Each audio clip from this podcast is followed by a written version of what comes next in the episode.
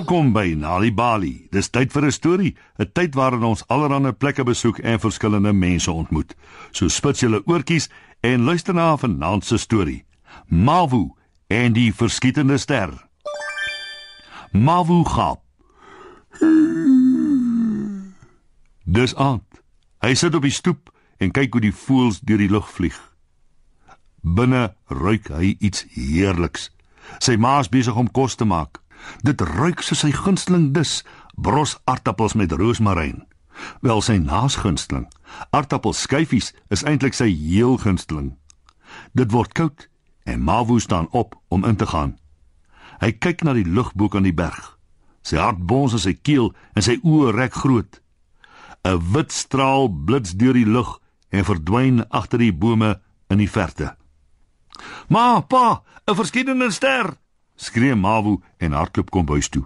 Almal spring op, sy ma, sy pa, sy suster Tebisa en selfs sy hond Jama. "Hoe gaan jy so te kere?" vra sy pa. "Wat is verkeerd, Mawu?"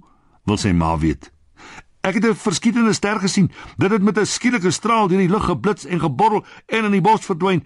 Toe sien net rook en stoom." "Stadig nou, Mawu," sê sy pa. "Om hier te begin, Jy het al van tevore verskietende sterre gesien, maar hulle het nie gerook of gestoom of geraas gemaak nie. Dit gebeur net as 'n mens regtig naby is en selfs dan, miskien het jy ander geluide gehoor op dieselfde tyd as wat jy die ster gesien het. Stel sy ma voor.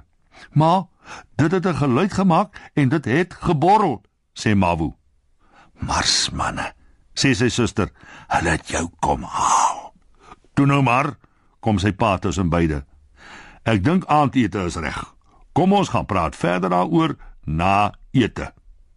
Maar Mawu is te opgewonde om te eet. Ek kan ons asseblief môre na die bos toe gaan, pa? O, ons gaan Jama vat om te saam te gaan stap en en en en, en wat Mawu? Vra sy pa wat weet wat kom. En, en kyk of ons die ster kan kry. Sê Mawu, sy pa weet Mawu gaan nie ophou neel daaroor nie. Môre is Saterdag en dus stem hy in. Jy beter my nie wakker maak nie, sê Kebisa sy suster. Die volgende oggend dou voordag is Mawu op. Dit voel soos eeue voordat sy pa reg is om te gaan, maar uiteindelik is hy en sy pa en Jama in die kar op pad na die bos toe. Die oomblik toe die kar in die parkeerarea onder die bos stilhou, spring Mawu uit die kar. Dis die kant toe pa, dit het agter die grootste bome verdwyn, verduidelik Mawu.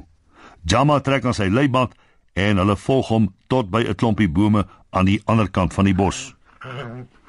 Toe begin hy in die stam van 'n groot bloekomboom opspring. "Jama, jy kan nie boom klim nie. Wat probeer jy doen?" vra Mawu. Jama bly spring en spring en chunk nou ook. Mawu probeer hom styf vashou aan die leiband, maar Jama pluk hom rond. "Jama, jy gaan my brein losskud. Hou op." Asof hy verstaan, hou Jama dadelik op. Hy swaai sy stert wild. Hy kyk na Mawu. Sy tong hang uit en sy kop is vreemd skuins gedraai. Toe kyk hy weer op in die boom en huil. Mawu kyk ook op.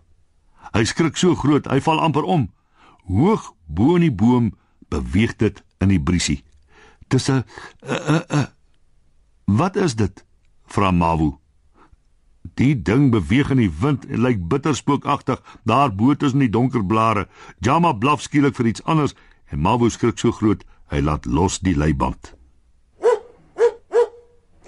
Jama hardloop om die boom en blaf vir 'n groot hoop blare. "Waarvoor blaf jy nou?" sê Mawu. "Toe gil hy.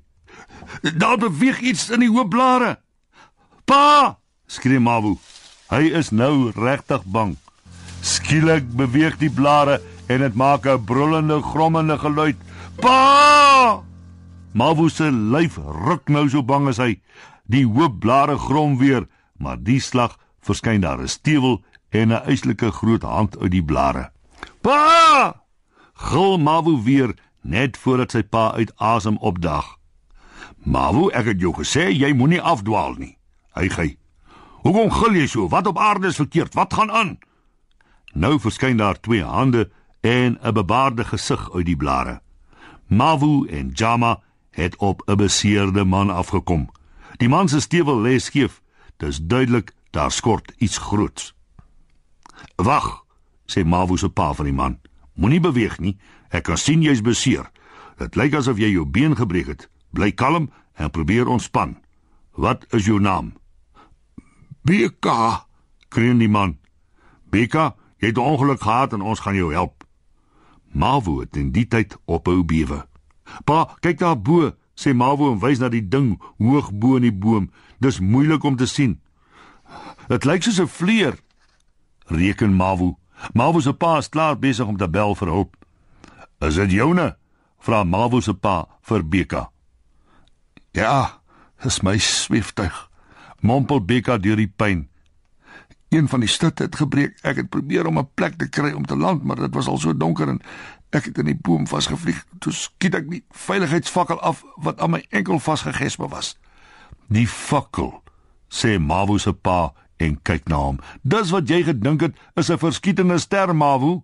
Nou is Mawu opgewonde. "Dit het geborrel en geknal," sê hy. "Ja," sê Beka. "Dit was 'n ou een, maar dit het gelukkig nog gewerk en jy het dit gesien." Mawu se pa kyk trots na sy seun. "Mawu, danksy jou hoef Beka nie nog 'n nag hier in die bos deur te bring nie. Ek is regtig bly jy het so aangehou ons moet hier na toe kom." Mawu omhels Jama wat sy stert so vinnig vaai, dit lyk asof dit enige oomblik gaan afspring. Toe hoor hulle is die reën naderkom. 'n Baie verligte Beka het trane in sy oë toe hy na Mawu kyk. "Dankie dat jy my gered het," sê Beka opreg. "Jy sal altyd my ster wees." En so eindig vanaand se storie op Nali Bali. Wees deel van Story Power met Nali Bali en lees 'n storie net wanneer jy lus is. Of as jy nog stories wil hê om vir jou kinders voor te lees of vir jou kinders om self te lees, gaan na nalibali.mobi op jou selfoon. Jy sal heelwat stories in verskeie tale gratis daar vind. Jy sal ook wenke kry oor hoe om 'n storie voor te lees en te deel met jou kinders ten einde hulle potensiaal aan te moedig. Dis nalibali.mobi. Nalibali is ook op Facebook en Mixit.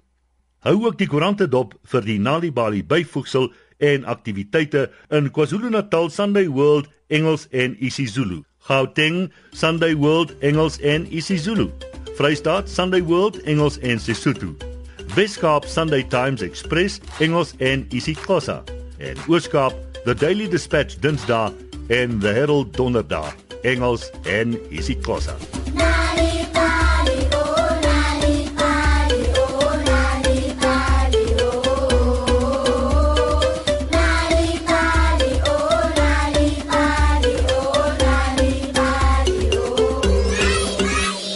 I've got to get a message to you klank van die Bee Gees.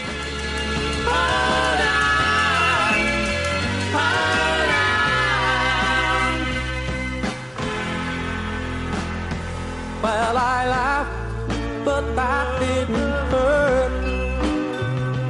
And it's only her love that keeps me wearing this dirt. Now I'm crying,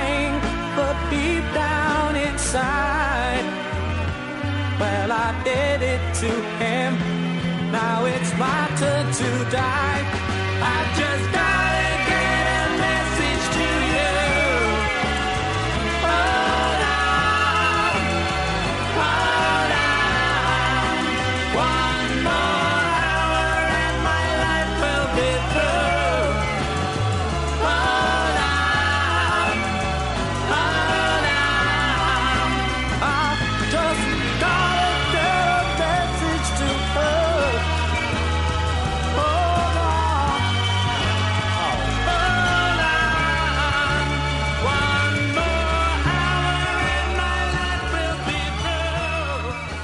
I've got to get a message to you, die sang van die Bee Gees.